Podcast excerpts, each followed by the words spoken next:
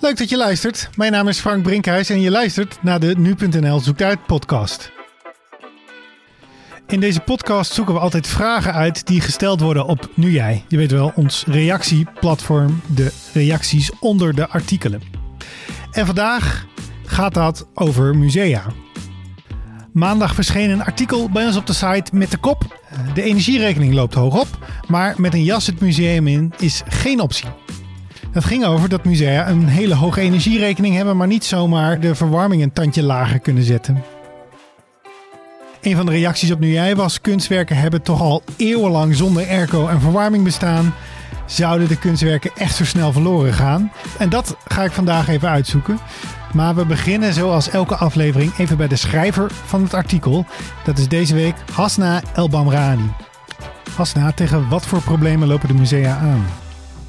Zij schikken natuurlijk over waardevolle kunstwerken en objecten. Mhm. En die vereisen een bepaald klimaat, dus een bepaalde temperatuur en luchtvochtigheid. Ja. En, om, ja, en om dat voor elkaar te krijgen hebben zij hele ja, um, geavanceerde, maar ook uh, dure klimaatsystemen die dag en nacht draaien. Dus je kunt je voorstellen dat daar. Uh, ja, dat, dat zo'n klimaatsysteem heel veel energie gebruikt. Ik, ik moest wel, wel een beetje lachen ook om de kop die je had gekozen. Want ik had dus eigenlijk nog nooit zo goed stilgestaan over dat je je jas altijd in een museum moet uittrekken. Maar dat is natuurlijk zo. maar dat is dus om deze reden. Ja, dus dat was de, dat was de vraag uh, die, uh, die in me opkwam. Kunnen we met een, met een jas aan een rondje lopen door het museum? Nou ja, het antwoord is dat kan niet. Nee. Want, want de musea moeten, moeten een bepaald klimaat uh, bewaken. En dus ja, is het geen optie om de thermostaat iets lager te zetten. Ja, en als het regent of zo en je komt met je vochtige jas binnen, dan, dan ver, ver, verpest je het hele klimaat misschien wel dat daar binnen hangt voor die kunstwerken. Ja, dat zou heel goed kunnen, inderdaad. Ja, ja nou, dat moet ik maar eens even, dat moet ik zo maar eens even vragen. En de, de, de musea, die roepen nu om hulp. Wat, uh, wat hebben ze nodig? Ja, dus waar zij zich zorgen om maken is die verder stijgende energiekosten en wat dat voor hen betekent. Mm En uh, net als voor, voor heel veel huishoudens verloopt ook hun contract uh, ja, binnen nu en een aantal maanden.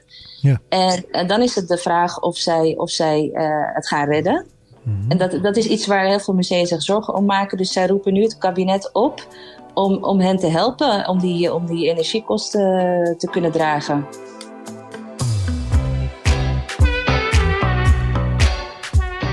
Voor musea is klimaatbeheersing dus belangrijk. Het gaat om het behoud van de kunst, maar door de crisis is het dus een veel grotere kostenpost geworden. Hoe werkt zo'n klimaatregulatie nou eigenlijk? Frits de Vogel, de zakelijk directeur van het Krullenmullen Museum, wil me dit wel even uitleggen. Uh, het gaat zowel om temperatuur als om luchtvochtigheid.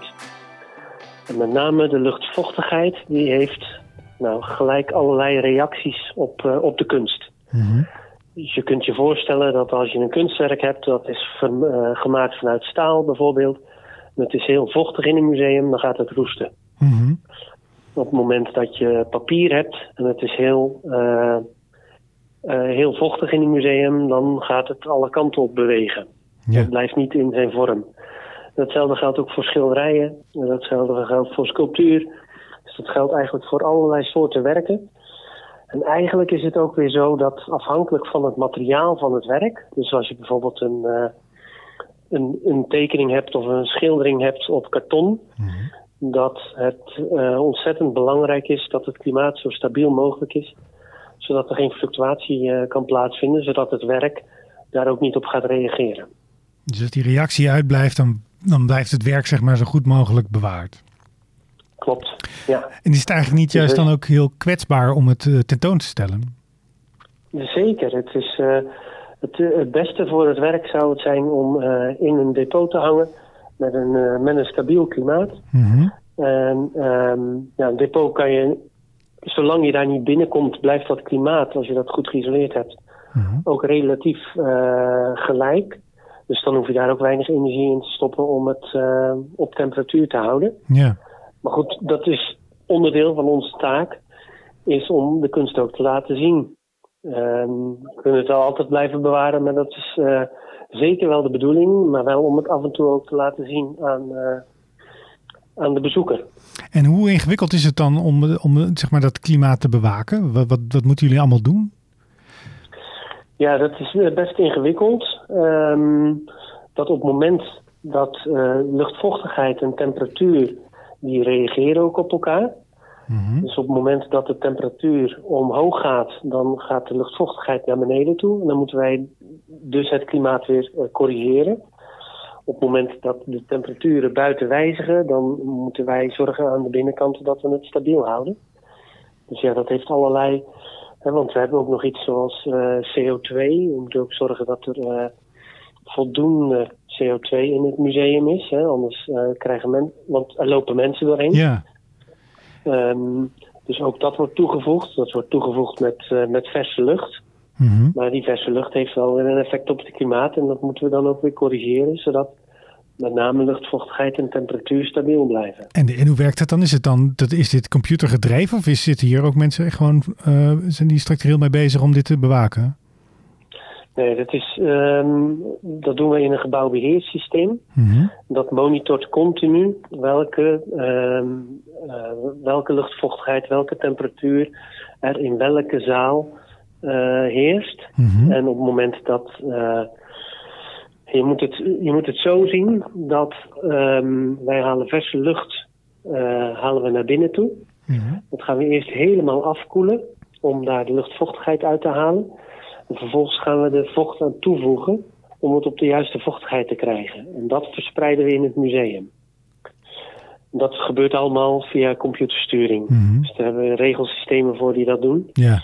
En daar zitten weer allerlei alarmsystemen op om te dat mocht het buiten bepaalde waarden komen, dat we gelijk kunnen gaan kijken wat is er aan de hand. Uh, mocht het heel erg zijn en we kunnen het niet op korte termijn corrigeren, dan zouden we zelfs uh, stukken van zaal moeten kunnen halen om ze naar de veilige nou, te oké, ja.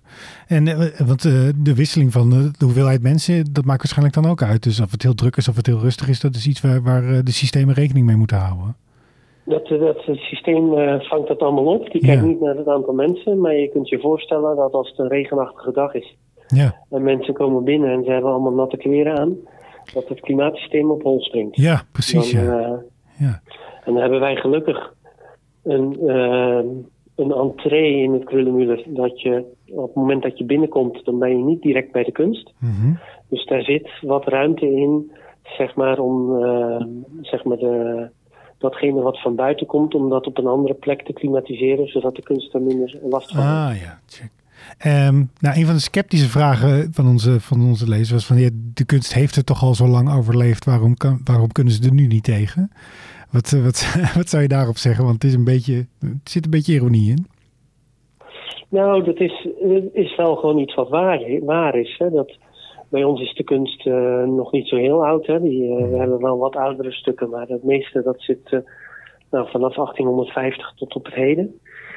Um, maar er is natuurlijk kunst die gewoon vanuit de 15e, 16e, 17e eeuw. Daar is wel heel veel aan gedaan al om het in de huidige conditie te krijgen. Mm -hmm. Want die heeft al echt geleden. En wat wij vooral proberen te doen, is het om het nu stabiel te houden. Het verleden kunnen we natuurlijk vaak ook niet meer inhalen. Maar om het nu wel stabiel te houden. Ja. En, um, het heeft het heel lang goed gehad, maar kunst, er is ook wel kunst verloren gegaan omdat het uh, in slechte condities heeft gehangen. En dan vergaat het op een gegeven moment. Dan is het zo slecht dat, je het niet meer, uh, ja, dat het niet meer toonbaar is.